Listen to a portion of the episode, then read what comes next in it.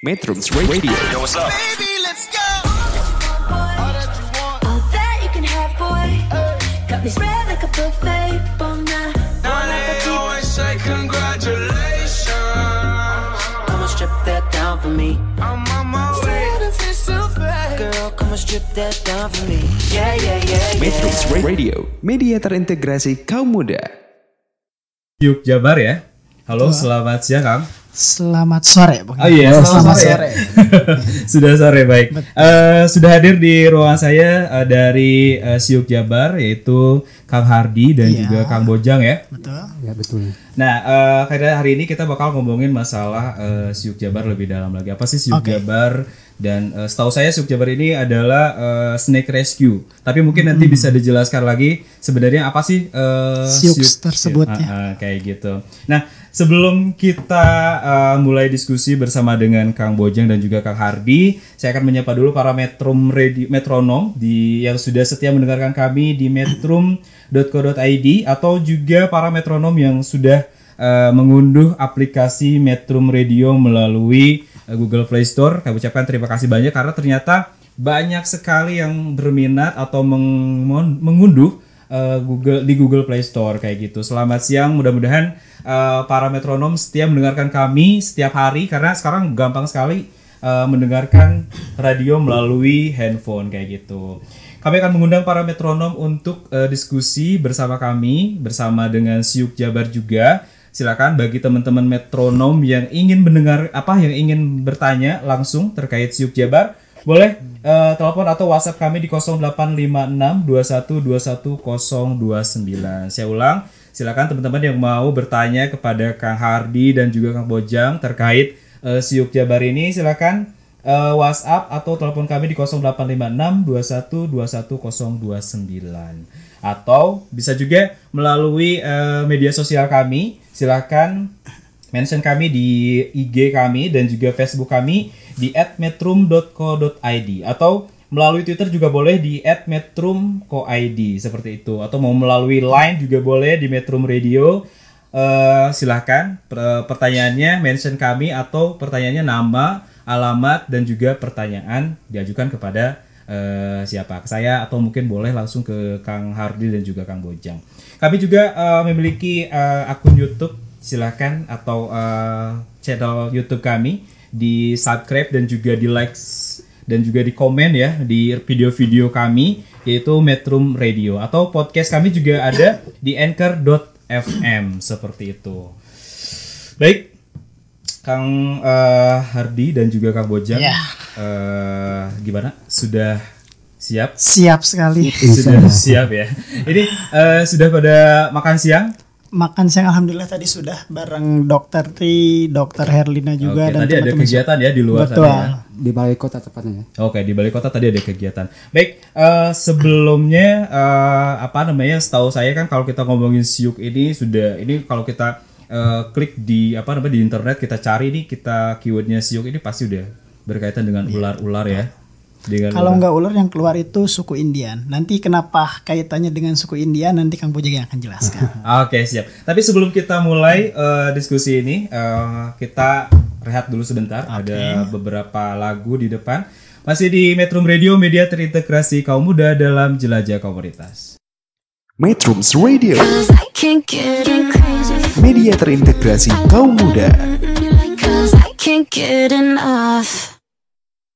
Hari ini kita bakal ngobrolin tentang siuk seperti janji saya janji saya tadi. Mungkin eh, saya akan bertanya karena tadi kan siuk ini berkaitan dengan ular ya, Betul berkaitan sekali. dengan ular. Nah, mungkin ada juga masyarakat yang belum tahu apa itu siuk. Jadi mungkin bisa dijelaskan dulu deh, eh, siuk itu apa gitu. Terus kemudian sejarah singkat siuk di Jawa Barat itu sejak kapan dan di mana kemarin di di apa diresmikan ya? Mungkin bisa dijawab. Boleh sama Kang Bojang dulu deh. Eh, Oke, saya, saya jelaskan di sini. Ya.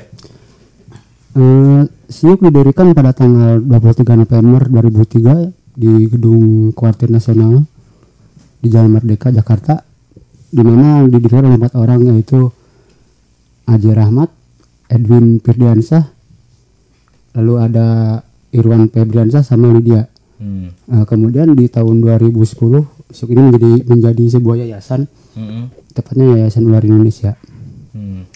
Jadi di Jakarta awalnya. Awalnya di Jakarta. Awalnya di Jakarta. Nah, kalau di Jawa Barat sendiri eh, itu sejak kapan ya eh, ada Siuk Jabar? Kita kalau nggak salah 8 November ya di.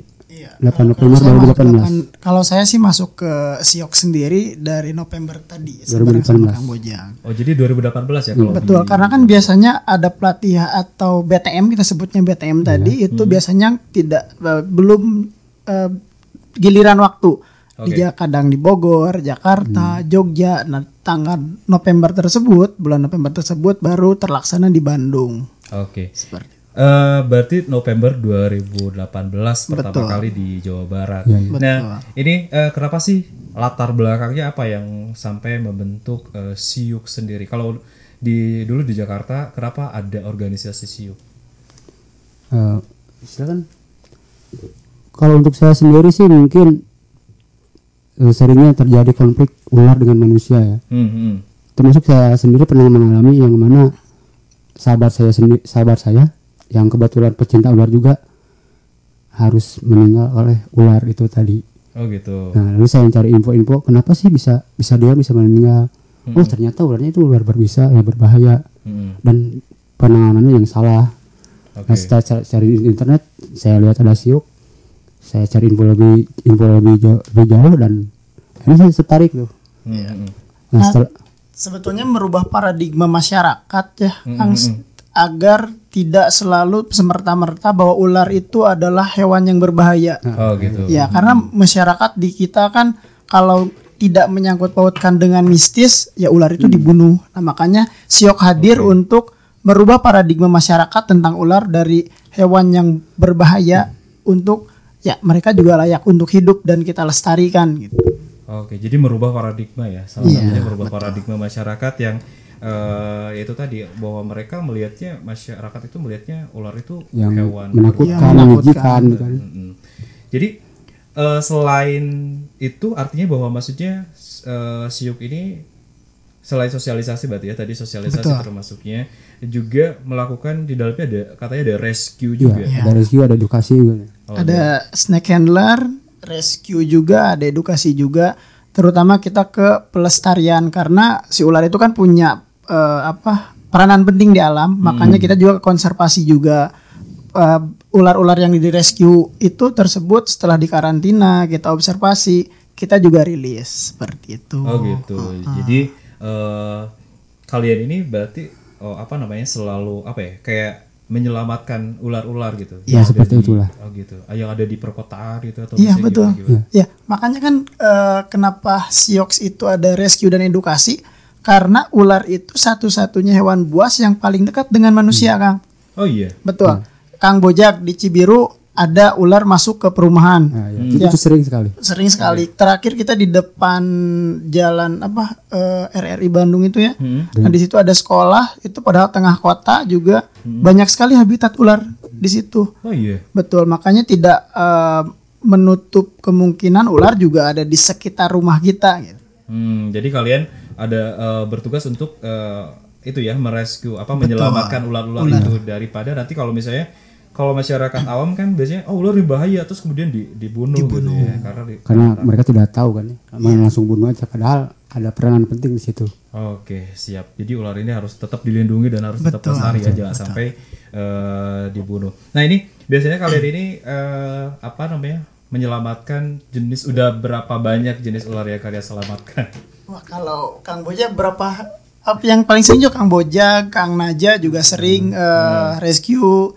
Ka- paling banyak kita kalau enggak kobra itu jenis piton. Iya jenis piton. Jenis kebanyakan. piton. Wah. Saya sendiri sih sebenarnya nggak nggak menghitung berapa banyak, cuman cukup sering lah kita dapat panggilan rescue itu. kan. Tiap bulan ada lah ya yang minta Ada. Ada order. Ada orderan.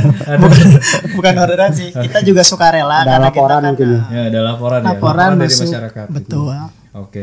Eh terus jenis-jenis ular tadi apa? Ada piton. Ada piton, Piton, ada kobra, juga, kadang bunga rus juga si ulang-uling gitu ya. Pernah lihat mungkin orang yang ular yang warnanya hitam putih. Heeh. Nah itu itu, itu sering masuk rumah itu. Oh gitu. Jadi kebanyakan ular-ular yang emang bener eh, masuk rumah gitu ya. Iya. Oh. Banyak yang berhadapan dengan manusia. Seperti kemarin di ujung berung di perumahan apa ya lupa tuh Resident Di- Hill, Resident kalau nggak salah. Ular kobra eh, dua satu ditembak. Nah, itu. ya. Boleh. nah Itu makanya kita, kita meminimalisir bahwa konflik manusia dengan ular itu ya tidak harus seperti itulah. Karena Hmm. juga kan ular eh, di situ juga ada ada penyebabnya kenapa ular juga ada di situ. Oke, siap. Emang apa penyebabnya rata-rata? Eh. Hijrah. Hijrah dari hutan gitu terus ke kota gitu atau gimana nih? Mungkin karena lahannya sudah banyak jalan komplek perumahan kali ya. betul Oh, karena benar, kan benar, benar, ya benar. habitat si ular tersebut dulu pasti di situ. Nah setelah dibangun habitat mereka kan terancam ya. Oke. Sedangkan habitat sebagainya masih ada karena masih ada aliran sungai, Hmm. masih ada perkebunan. Nah itu habitat dia ketika melintas, oh kok beda banyak rumah gitu. Oh iya iya iya benar-benar. Sekarang banyak sekali perumahan-perumahan yang menghabiskan Nah, Lahan. habitat ya, menghabitat- Betul. Itu ada yang merupakan adalah eh, lahan atau habitat dari ular, tersebut. Terus kemudian biasanya nih kalau yang kalian terima laporan-laporan seperti apa sih musuh dari masyarakat itu? Biasanya. Biasanya kalau laporan itu eh, kita kadang ada yang menghubungi langsung ke kita, Hmm. ada melalui yayasan Siox, ada juga dari Damkar. Oh, Ja- gitu. Betul, karena masalah kita juga ada di Damkar. Eh, salah satunya Kang Diki. Kang Diki itu biasanya kalau ada ular masuk rumah atau diminta di rescue, biasanya infoin tuh di grup ada yang butuh rescue nih ular eh, ular yang harus di rescue. Beliau eh, infokan ke kita, kita bentuk tim siapa yang bisa berangkat seperti itu. Oh gitu. Jadi ada ada kerjasama juga dengan Damkar. Betul. Iya betul. Dan sebenarnya bukan hanya di luar sih kalau dengan damkar. Hmm. Kebetulan beberapa bulan yang lalu saya sama Kang Rizky kebetulan Mas Sosiok juga Hmm. kita, kita terlibat rescue eh, belacan kucing hutan. Kucing hutan. Wah, itu di mana tuh? Itu di Cibiru.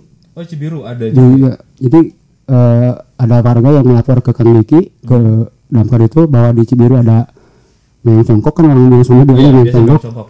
Nah kemudian disampaikan lagi ke grup Siok ya saya dan Kang Rizky langsung bergerak ke sana dan syukur alhamdulillah bisa diselamatkan bersama rekan kita juga ya Ibu Herlina kan. Ibu Herlina.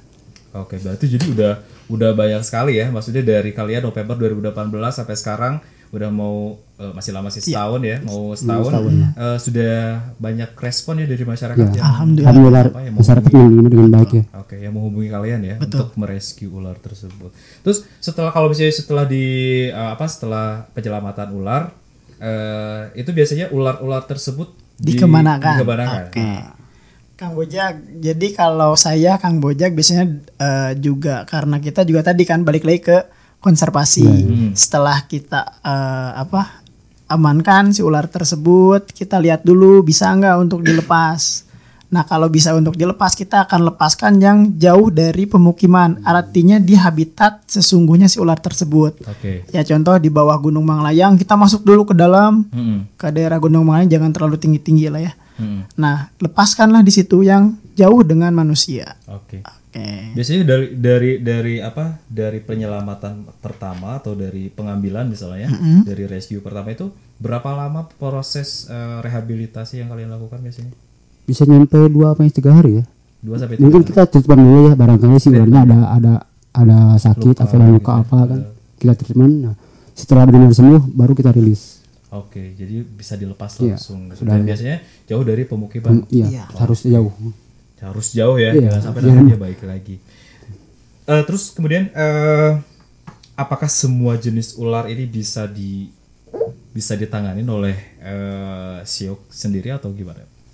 Atau ada jenis-jenis ular-ular tertentu mungkin yang eh, tidak bisa atau harus bisa semuanya? Enggak sih kalau di Siok sendiri kita semua ular ya wajib kita selamatkan ya. Wajib diselamatkan. Uh, ya? jadi kita nggak pilih-pilih. Oh nggak mau ular ini nggak mau Ini ular gak bisa ini bahaya nggak mau. Ah. Oke, Bisa pilih-pilih ya. nggak pilih-pilih. Yang penting bagaimana si ular selamat lah. oke, bagaimana Betul. ular? Tapi tetap dengan safety ya. Iya. Tetap dengan safety artinya kita Itu nggak nomor satu. Ah, Tanpa nggak melukai ular gitu ya? ya tanpa melukai ular nggak membahayakan kita pun karena kan kita sering sekali uh, rescue ular kobra ya. Hmm. Uh, Nah kalau dicomot langsung pakai tangan kan itu nggak boleh. ya gitu. artinya pre-handle itu kita sangat tidak anjurkan ya haram lah ya. nah kita ada alatnya kang. Hmm. Nah, kita ada pakai alat untuk keselamatan kita. Kalau di relawan mah APD lah alat, alat perlengkapan dasar kita. Oke siap. Kita akan bahas eh, lebih lanjut lagi mungkin terkait bagaimana cara mereka merescue atau menyelamatkan eh, hewan-hewan reptil ini ya, eh, iya, Iya, em, iya, yang berbahaya, yang menurut masyarakat berbahaya, betul. tapi sebenarnya masih harus diselamatkan juga Oke. dan juga jangan sampai eh, apa punah juga ya. Betul. Seperti itu. Baik, nanti kita akan bahas lebih lanjut lagi setelah beberapa lagu di depan. Jangan ke mana-mana, tetap di Metro Radio, media terintegrasi kaum muda dalam jelajah komunitas. Metrums Radio, media terintegrasi kaum muda. Can't get enough. Ya, Metro Radio Media terintegrasi kaum muda dalam jelajah komunitas. Selamat sore, sudah semakin sore kayak semakin adem ya, nggak terlalu panas lagi. Dan eh, kayaknya cocok banget buat sambil eh, ngopi kayaknya. Udah ngopi kan? Alhamdulillah udah. Udah ya, udah. Diam-diam baik. harus ngopi, harus ngopi.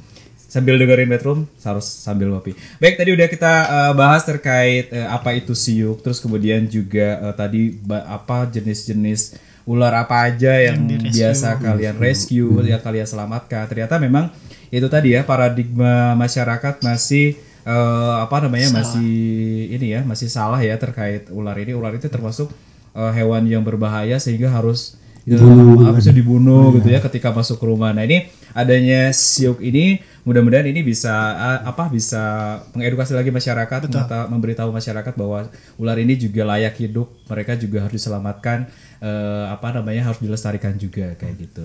Baik, eh, saya ingin yang mungkin ini kan kalian ada rescue ya di dalam siuk ini ada rescue, edukasi dan juga tadi eh, ada Snake handler. snake handler juga. Nah ini sebenarnya bagaimana sih cara eh, apa namanya cara menyelamatkan ular di ketika misalnya ular ini ada di rumah gitu. Apa yang kalian lakukan biasanya rescue-nya yang aman, yang eh, tanpa menyakiti ular itu sendiri dan tentu saja eh, tanpa eh, namanya melukai kalian sendiri gitu. Seperti apa nih? Mungkin bisa dijelasin.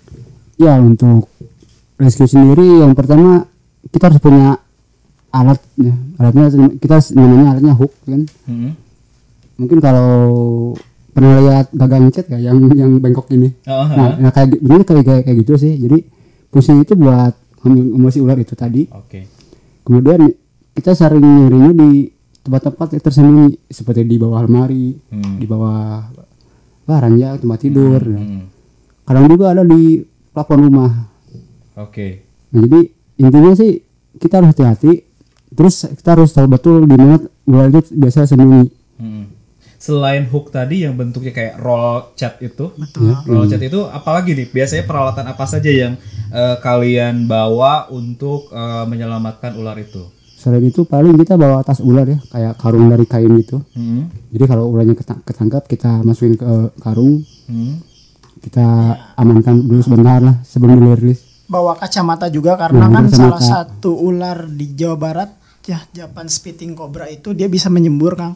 Jadi kita anti Kayak antisipasi kobra gitu ya, Iya, bisa menjemurkan bisanya gitu. Iya, dia bisa menyemburkan bisa dan itu dia mengarahnya selalu ke daerah wajah. Oke. Ya kalau ke mata itu bisa iritasi bahkan bisa sampai kebuta meng- mengakibatkan kebutaan. Oke. Nah, kita bawa eh, kacamata, kita kadang juga bawa grab stick juga. Tapi kalau kita yang rescue ya, Kang. Tapi kalau masyarakat di rumah misalnya ibu-ibu nih di dapur Oke. pengen rescue eh pengen si ular itu nggak dibunuh tapi tetap selamat gitu ya. Bisa menggunakan alat apa pun, Kang. Hmm. Boleh menggunakan sapunya boleh. Gagang untuk pel boleh. Ember pun bisa digunakan. Pengki juga bisa. Iya, yang penting jangan pernah mencoba kita nggak tahu jenis ularnya apa, jangan pernah coba langsung ambil sama tangan langsung. Jangan nekat lah. Iya. Oke. Tapi nggak ada peralatan khusus yang maksudnya kayak eh, banyak sekali peralatan yang kalian gunakan gitu nggak ada ya? Nah, paling hook, grab sama kacamata itu Atau, sudah cukup. atau sepatu boot bisa juga Ya, ya. satu-satu dot. Dia Sepatu boot. Sarung tangan? sarung tangan kadang pakai kadang enggak. Enggak. Tergantung situasi sih. kalau gitu. Situasi. Tergantung jenis ularnya juga. Ya, iya. Ya oke, tergantung jenis ularnya. Terus kemudian kalau misal biasanya yang melakukan rescue ini atau penyelamatan ular ini biasanya berapa orang nih kalau dari kalian?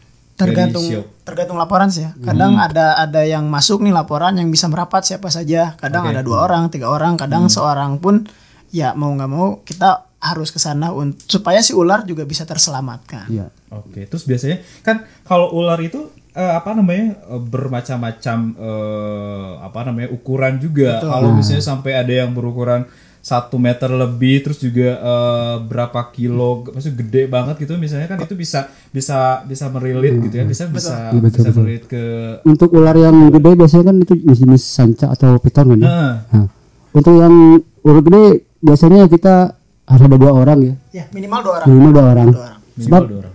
lilitan sana itu sangat kuat, Hmm. Bahkan bisa menyebabkan kematian juga ya kalau kita Iya. salah menanganinya. Terakhir di Katapang, Kabupaten Bandung tuh Oh, iya. ada, ada yang meninggal Ada. akibat Benar, dililit juga. Saya baca tuh.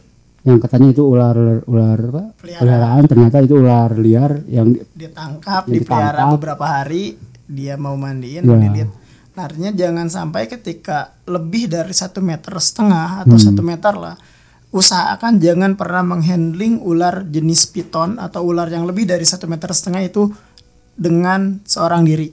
Ya, minimal berdua, minimal berdua. Minimal ketika dililit, teman kita bisa membuka lilitan tersebut. Hmm. Jadi kalian juga pasti menerima info awal dulu ya, info awal misalnya yang masuk ke siok ini uk- ukuran termasuk jenis ular juga. Oke, nanti kalian timnya berapa orang nih nanti yang Iya. turun kayak gitu kali ya. Kadang kita juga nggak kalau tidak ada nih teman-teman maskel yang bisa gitu ya. Kita teruskan ke teman-teman komunitas yang Nah, dekat. betul, Contoh misalnya di daerah Bandung Timur itu ada dua komunitas. Hmm. Nah kita coba nih kita nggak ada orang Bandung Timur nih si maskel ini. Eh anak eh, komunitas di Bandung Timur bisa nggak nih rescue? Kadang libatkan juga mereka.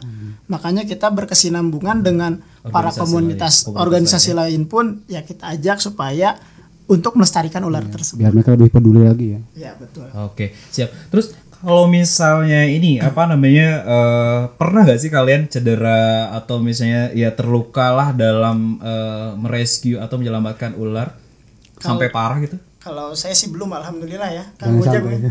Kang. Saya dulu pernah kena patuk.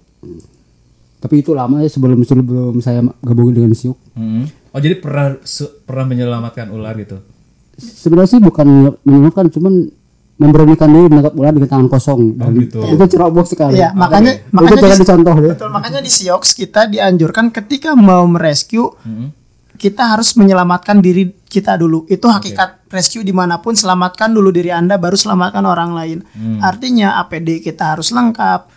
Eh, apa yang akan kita gunakan lakukan preventifnya itu kayak gimana kita harus pertimbangkan. Jadi jangan sampai kita mau nyelamatin ular malah kita yang berbahaya. Oke. Karena semua muscle siuk tidak kebal terhadap efek bisa kayaknya. Ya, tidak ada satu orang Ya, pun yang tidak ada. kebal. Ya, tidak ada orang yang kebal sama bisa. Berarti kalau eh, Mas eh, Kang Hardi sama Kang Bocek belum pernah ya? Maksudnya belum selama di Siok ini belum pernah ini ya? Belum pernah cedera atau luka? Alhamdulillah kita Alhamdulillah belum. kita meminimal seminimal mungkin ya, jangan Ya, sampai. jangan sampai lah. Oke baik. Eh, saya seperti tadi yang sudah saya katakan, maksudnya yang sudah saya sampaikan, eh, saya mengundang para metronom untuk eh, bertanya langsung. Silakan bagi teman-teman metronom yang ingin eh, tahu lebih banyak terkait siok ini, silakan tanyakan eh, kepada eh, narasumber saya, dua narasumber saya.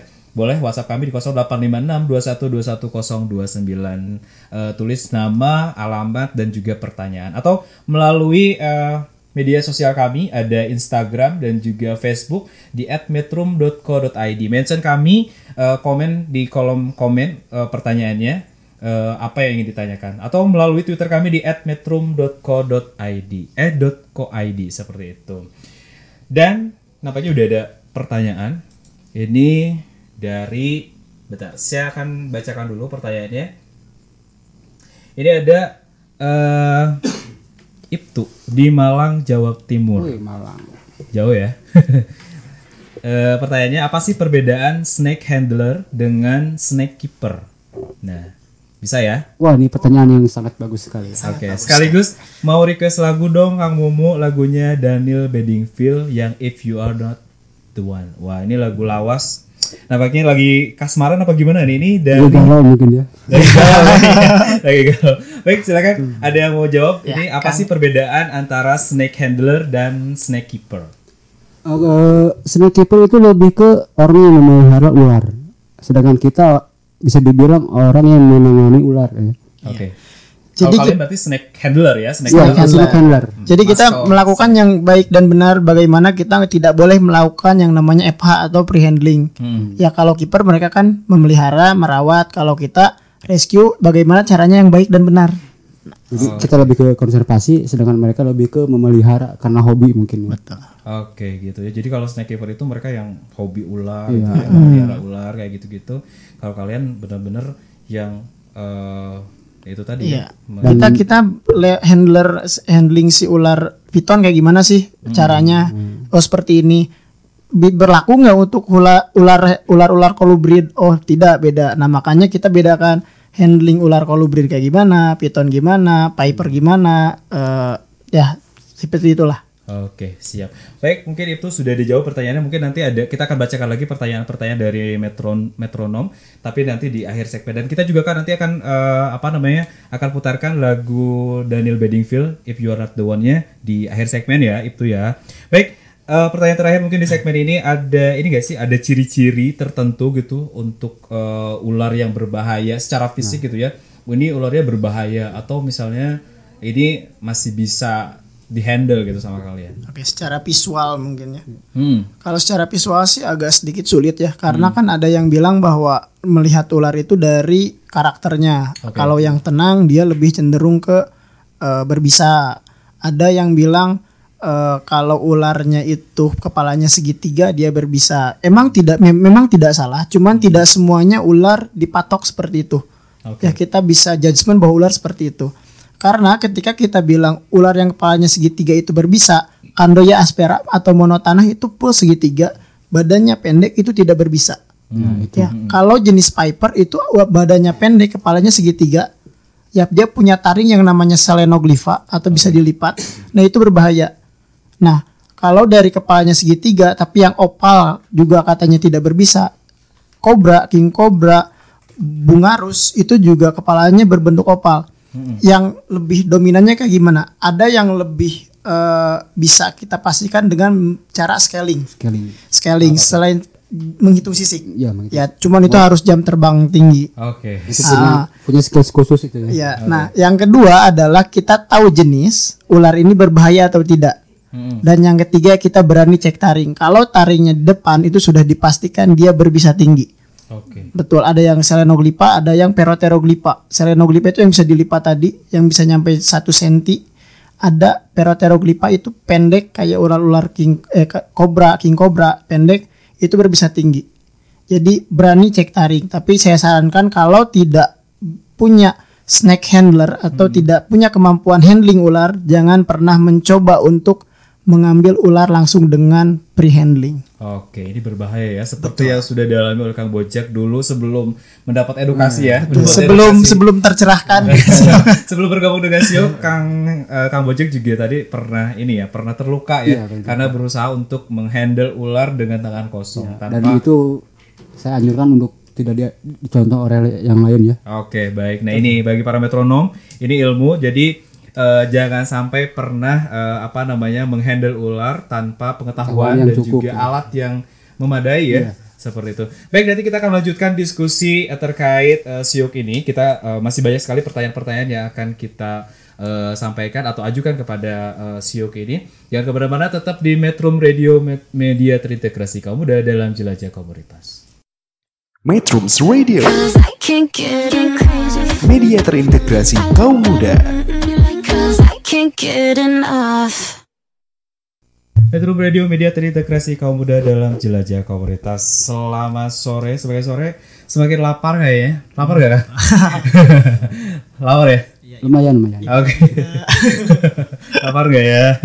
Baik, mungkin eh, Tadi kita sudah bahas banyak sekali terkait siok Dan juga bagaimana cara merescue ular ketika misalnya ular ini ada di apa namanya ada di rumah Sekitar ya lingkungan di kita. sekitar kita di lingkungan kita. Nah ini eh, tadi sudah dijelaskan jangan sampai eh, merescue atau menga- apa menyelam- mengambil atau menyelamatkan ular itu tanpa eh, tanpa alat ya, tanpa alat dan juga tanpa pengetahuan yang lebih banyak itu karena bisa berbahaya ya. Betul sekali. Kayak gitu. Baik, eh, sekali lagi saya akan mengundang para metronom untuk bertanya, untuk bergabung berdiskusi bersama kami tentang eh, siok ini. Boleh silakan yang mau nanya di WhatsApp aja atau di telepon di 085621210029. Saya ulang, boleh eh, bertanya silakan eh, kirim pertanyaan ke WhatsApp kami 085621210029 atau melalui media sosial kami silahkan mention kami di @metrum.co.id. Eh, mau IG atau Facebook atau mau Twitter juga boleh di @metrum.co.id. Kami juga ada podcast eh, Metrum Radio yaitu anchor.fm bagi teman-teman yang mau mendengarkan siaran kami boleh di melalui podcast Metrum Radio di anchor.fm. Ada juga channel YouTube kami silakan eh, like dan subscribe dan juga komen eh, channel YouTube kami di Metrum Radio. Baik, jika tadi kita sudah eh, menjelaskan banyak sekali tentang eh, apa namanya tentang eh, siuk sendiri. Nah ini eh, dalam suatu rescue ini kan pasti ada hal-hal yang eh, berbahaya ya, ada hal-hal yang sangat berbahaya tadi makanya harus menggunakan alat dan juga pengetahuan yang banyak juga tentang eh, rescue ini. Nah, jika misalnya ka- walaupun tadi Kang eh, Kang Bojek dan juga Kang Hadi juga belum pernah terluka ya atau Alhamdulillah, eh, jangan sampai. jangan sampai. Nah ini kalau misalnya dalam rescue ini ada yang terluka, baik misalnya eh, masyarakat yang melapor atau misalnya handler handler juga misalnya atau maskal eh, snack juga ada yang terluka. Nah ini tindakan seperti apa yang harus dilakukan kalau misalnya ada yang terluka? Oke, yang tergigit ya. Ha, yang Oke. tergigit misalnya. Eh, saya sampaikan dulu data di Jawa Barat. Teman-teman Siok Jawa Barat mengumpulkan data lebih dari 54 kasus di Jawa Barat dalam jangka waktu 7 bulan, Kang. Oke, dari 2018 itu ya? Iya, dari pertama November kali. itu. Oke. Nah, Banyak juga ya. 14 di antaranya meninggal dunia. Artinya itu sudah lebih dari 5% yang meninggal di Jawa Barat akibat kasus snake bite. Kenapa itu bisa terjadi? Karena salah penanganan, Kang. Oke. Karena kan di Indonesia itu tidak jauh dengan yang namanya mitos misteri no atos atos. Benar ya terkait ular ini ya. Betul, Banyak ada- sekali mitos-mitos. Iya, kalau menurut Akang nih mitosnya dulu apa kalau kegigit ular? Tahu nggak? Gak tahu nih kalau saya. Ah, mitosnya ada yang katanya diikat supaya si darahnya nggak ngalir. atau diisap ya juga tadi Ya, terus Oke. di si lukanya di disayat, terus diisap. Hmm, hmm. Ya, oh iya benar, saya pernah betul. dengar kalau itu. Ada juga yang bilang pakai biji asam. Kalau di Papua ada batu hitam. Hmm. Ya, sebetulnya itu adalah salah. Oke. Nah, penjelasan dari dokter Tri Maharani tersendiri bahwasannya jadi dokter ini dia adalah spesialis gigitan ular Oke. ya.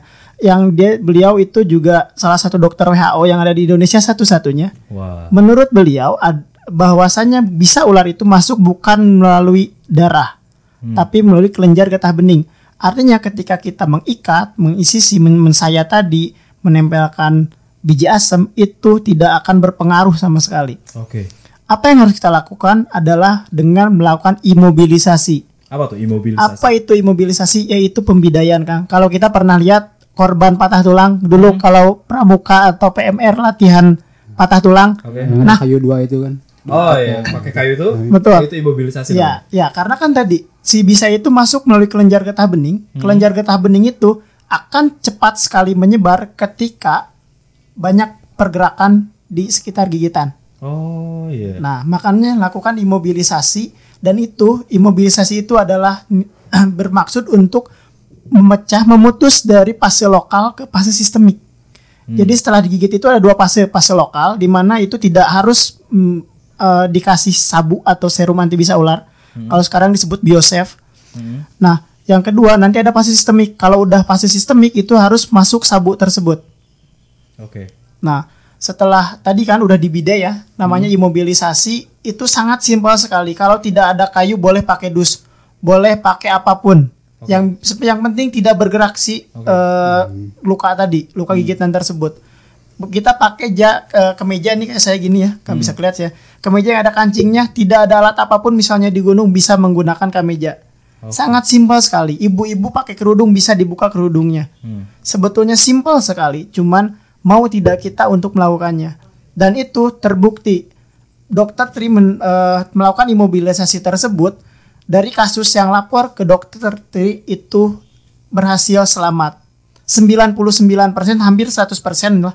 9,999% itu pasti selamat. Oke, setelah melakukan imobilisasi. imobilisasi tersebut. Kecuali karena emang tiba-tiba udah kegigit datang dulu ke dukun-dukun atau pakai yang tadi mitos tadi.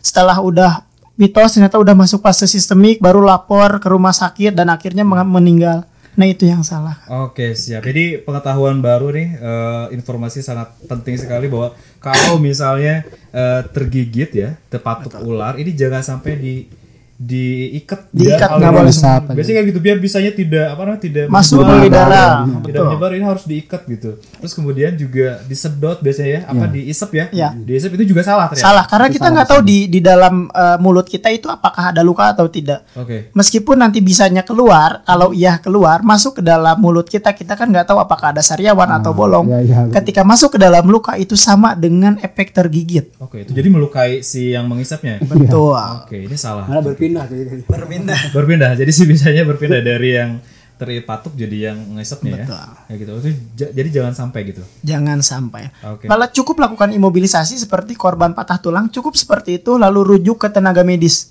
oke Untuk menghindari nanti tenaga medis ada dokter Tri mengeluarkan yang namanya borang. Jadi dilihat apakah ada gejala masuk fase sistemik. Ketika masuk fase sistemik berarti harus dimasukkan sabu, serum anti bisa ular tadi. Kalau enggak itu tidak harus masuk sabu.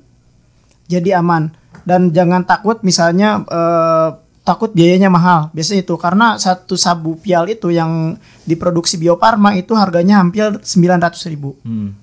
Ya. oke Ah, ah. Siap. Jadi ada dua fase ya. Iya. Ada dua fase. Kalau misalnya tadi eh, ada fase lokal, terus kemudian fase sistem. Fase Kalau sistemik. sudah masuk fase sistem sistemik, ini harus menggunakan tadi ya eh, serbuk. Saya enggak bukan serbuk, dia cairan. Oh cairan ya. Oke. Obat itu ya. Obat eh, obat Serum eh, anti. Serum. Dan itu nggak bisa didapatkan secara cuma-cuma. Kalau mau beli terse- barang tersebut, itu harus dokternya yang beli. Dia kan kalau dokter punya eh, apa surat dokter gitu Oh, ya, iya, bahwa dia itu dokter, surat prakteknya dia kasihkan bahwa saya dokter, baru dia bisa boleh melakukan tindakan tersebut. Kalau rumah sakit itu harus rumah sakitnya yang beli, baru dikasih. Kalau orang sipil awam nggak bisa. Oke, berarti harus eh, resep dokter ya, maksudnya. Iya, harus dokternya yang harus dokternya langsung yang harus. Jadi eh, banyak sekali tadi eh, apa namanya eh, yang harus dilakukan. Yang pertama adalah melakukan imobilisasi itu. Jadi menggunakan tongkat atau menggunakan kayu atau menggunakan bambu ya untuk supaya menghindari eh, gerak berlebihan ya, betul. Gerak berlebihan supaya si ininya tidak menyebar. Jangan diikat. Jangan Gitu. diikat. Jangan diikat Haram. haram jangan diikat karena justru kalau misalnya diikat malah ini ya malah eh, Menimbulkan luka baru. Iya, betul luka baru. oh, meni- menimbulkan luka baru Karena di Indonesia itu ya tadi yang produksi baru eh, perusahaan BUMN tersebut, yang pemerintah tersebut, itu hanya itu pun berlaku untuk tiga jenis ular, Kang. Oke Ular gibug kalau Selasma rhodostoma atau Akistrodon rhodostoma, ular tanah, oke ular bungarus pasciatus ya.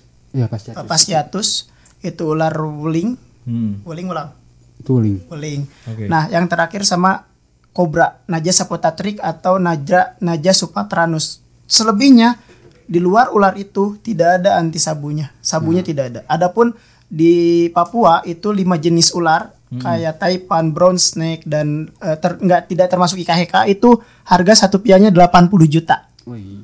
Ser- apa yang tadi ya Ya, ya. Satu botol kecil. Dan itu harus diekspor dari Thailand. Wow. Dengan biaya kirimnya hampir 5 juta. Dengan jan ya, biaya kirimnya 5 juta sampai 20 juta masuk pajak dan lain sebagainya dengan jangka waktu 6 bulan. hmm. Sedangkan ular taipan sendiri itu bisa membunuh cepat sekali. Oke Dalam hitungan jam. tuh. Gitu kan jam. Tapi kalau kalau tadi kalau masih di fase kita melakukan imobilisasi, ada kemungkinan di fase lokal tidak harus dikasih yang namanya sabu. oke siapa fase lokal ini ada ini nggak sih kang ada ciri-cirinya kalau seseorang ini masih di fase lokal gitu Ciri-ciri- ke fase sistemik Oke, kalau di fase lokal dia di pembengkakan paling di sekitar gigitan aja. hmm. Nah, itu kalau di mobilisasi fase lokal itu bertahan kurang lebih 48 jam atau dua hari. Oh. Kalau tidak ada efek kayak muntah, mata turun kayak ngantuk, berarti dia nggak pasti sistemik. oh gitu Kayak kelumpuhan organ dia nggak pasti sistemik, tapi cukup menyerang di sekitaran tubuh dia. Di lu- luka gigitan. Karena kan biasa kalau kegigit itu dia akan eh, bengkak, menghitam. Nah, itu masih fase lokal. oke Nah, dan itu cukup dilakukan nanti tenaga medis yang melakukannya. Artinya itu tidak harus yang namanya masuk sabu.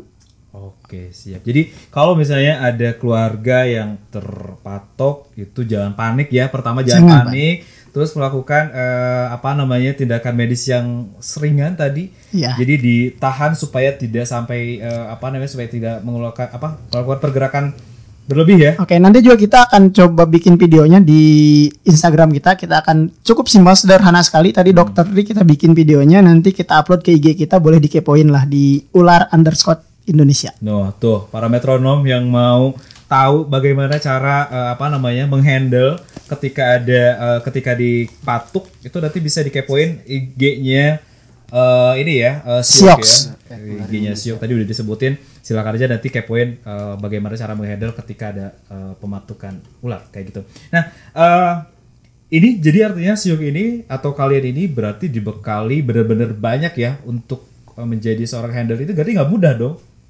Menjadi maskal snake ini nggak mudah dong ya. Maksudnya jadi Kalau menurut saya sih mudah sebenarnya. Panggil hati dan Tergantung kemauan kita aja juga Ah, sih. kalau kita sih karena suka ya, Iya, karena suka. kita mau belajar, Suka.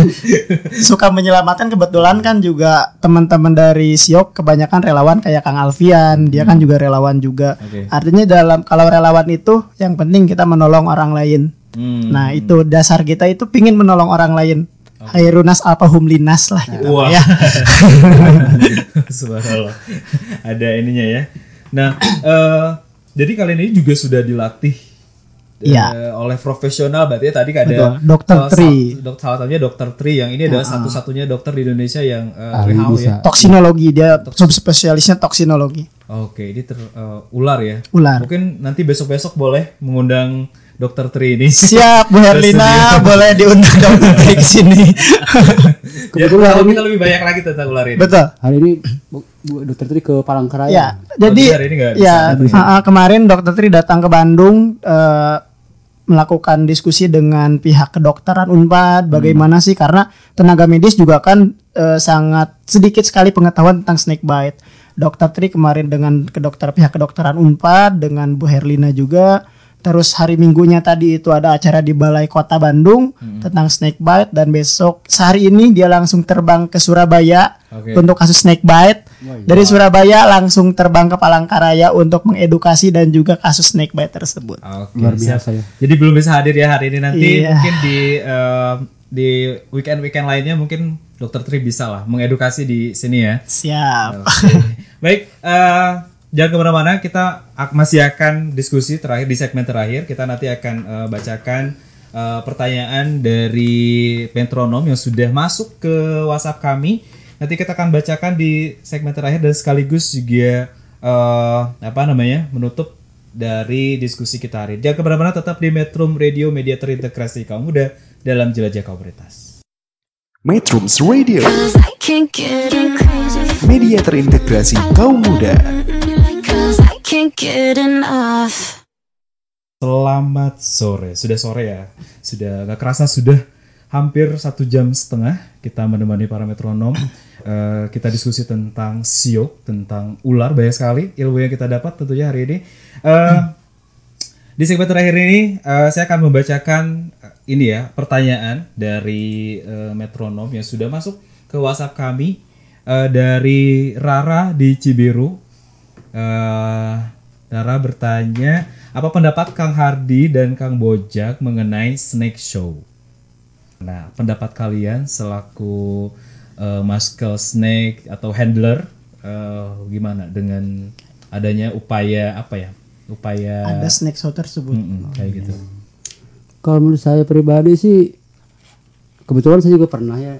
Hmm. Bukan bukan berarti sebagai pelaku, cuman pernah terlibat itulah. Oke, Kang Bojak pernah ya? Ya. Nah, sekarang gimana Kang pendapatnya? Awalnya dulu saya menganggap itu sebuah seni dan seni ini tidak boleh di dijual murah. Oke. Namun setelah kejadian teman saya yang meninggal karena snake shop itu tadi, Hmm. saya saya malah berpikir wah ini kayaknya salah nih. Oke. Jadi sebisa mungkin jangan sampai menyakiti ular. Oke, siap. Jadi eh, ini ya kalau Kang Bojang ini berarti berdasarkan pengalaman pernah berarti pernah bergabung ya, pernah bergabung di salah satu eh, snake show Iya, berarti karena ada kejadian temannya meninggal, jadi akhirnya tobat. Jadi kalau itu kalau itu misalkan seni ya sebisa mungkin jangan dijual murah lah. Oke, siap, siap. Kar- Karena resikonya itu nyawa urusan nyawa.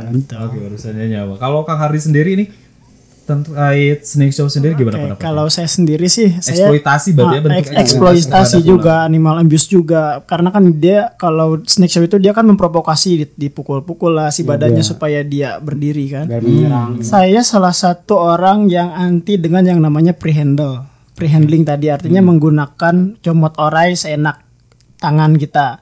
Kalau saya sih nggak setuju ya kalau ada FH seperti itu. Cuman saya juga eh, karena ini pandangan saya ya, untuk para eh, pem- pemain seni tersebut eh, saya juga tidak bisa melarang bahwa ini salah atau jangan. Karena kan mereka juga ada yang hidup dari situ.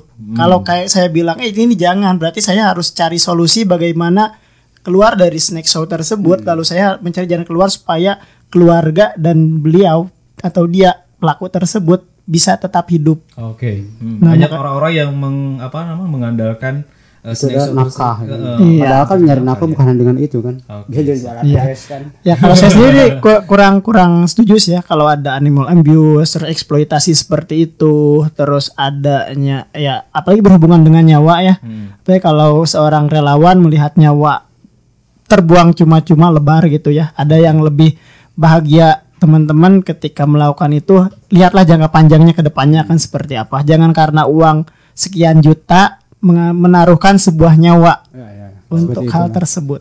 Oke, siap siap.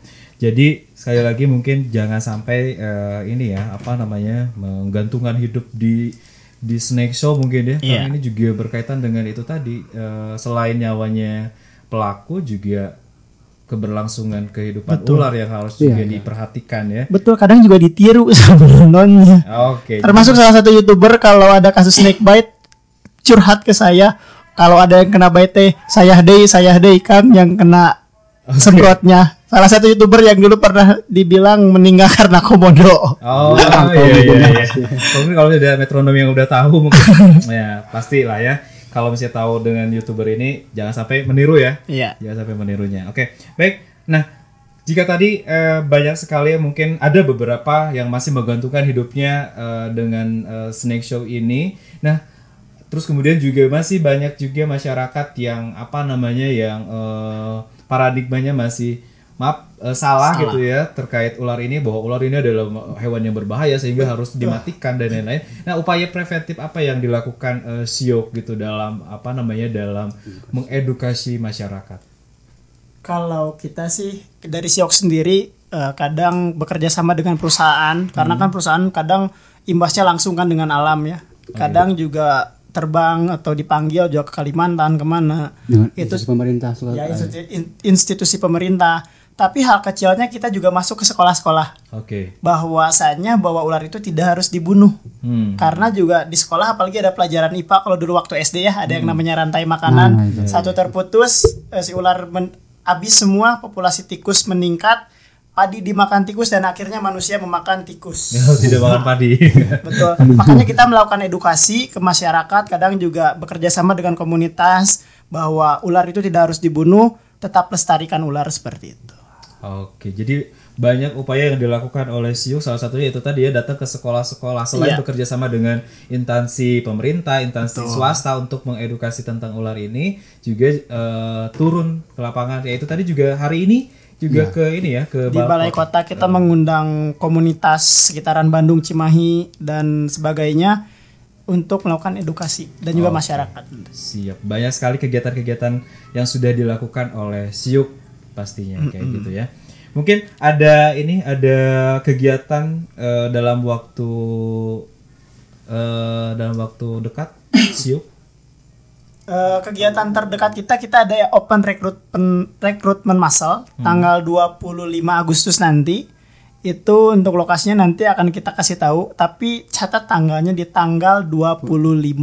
Oke. Makanya boleh dikepoin dikepoin IG Ular Indonesia tadi Siox underscore Ular Indonesia. Nanti kita infokan semua kegiatan Siox Jabar, Jakarta dan di seluruh Indonesia kita akan infokan di sana. Oke, baik ini bagi para metronom yang tertarik untuk gabung menjadi eh, muscle snake atau handler, eh, boleh nanti ada open recruitment ya Ya. di Sio kepoin saja IG-nya mereka tadi sudah disebutkan IG-nya. Silakan kepoin segala informasi terkait Siok dan kegiatannya ada di sana. Baik, kayaknya eh, waktu sudah menunjukkan pukul 17, lebih eh, 4 menit ya. Eh, kayaknya kita cukupkan untuk diskusi hari ini. Mudah-mudahan nanti eh, bulan depan ya, bulan Oke, depan bulan kalian depan. eh, ngisi lagi kegiatan talk show di Metro Radio dan mudah-mudahan ada Dokter Tri ya yang bisa Mudah-mudahan. mengisi. Pokoknya dengan tema yang lebih menarik lah. Oke, tiap bulannya kita akan coba gali eh, masalah-masalah tentang ular. Ya, Oke. mitosnya apa? Insya Allah lah, teman-teman siok siap. Termasuk jenis-jenis ular yang berbahaya nanti kita akan Siap. bahas itu Iya, lebih betul. dalam lagi kali ya baik para metronom cukup sekian kegiatan eh, apa namanya eh, talk show hari ini bersama dengan Syuk Jabar mudah-mudahan apa yang kita sampaikan hari ini bermanfaat buat eh, metronom di luar sana kami eh, berharap sekali bahwa tadi disampaikan jangan sampai menghandle ular secara dengan tangan kosong dan juga ilmu yang belum Memadai. eh, memadai ya karena ini bisa berbahaya. Terus kemudian juga kalau misalnya ada ular masuk ke rumah atau misalnya ular di sekitar lingkungan rumah para metronom, silakan hubungi Siok ya, bisa menghubungi Siok untuk melakukan rescue snake itu sendiri. Baik, tak bosan-bosan saya mengundang apa namanya, saya mengingatkan para tem- para metronom untuk eh, memfollow akun eh, media sosial kami. Ada Instagram di @metrum.co.id terus kemudian juga Facebook di @metrum.co.id Twitter @metrumcoid Pinterest @metrum.co.id Line Metrum Radio terus kemudian kami juga ada podcast di anchor.fm dan juga channel YouTube Metrum Radio. Dan jangan lupa untuk setia mendengarkan kami di website kami metrum.co.id dan jangan lupa untuk mendownload atau eh, mendownload eh, aplikasi Metrum Radio di Google Play Store. Cukup sekian eh, diskusi kita hari ini. Eh, saya Mumu Mujahidin dan juga Kang Hardi dan Kang Bojak dari Sio eh, Jabar Umu undur pamit diri. Wabillahi taufiq wal hidayah. Wassalamualaikum warahmatullahi wabarakatuh. Metrums Radio Baby, let's go. All that you can have, boy. Got me spread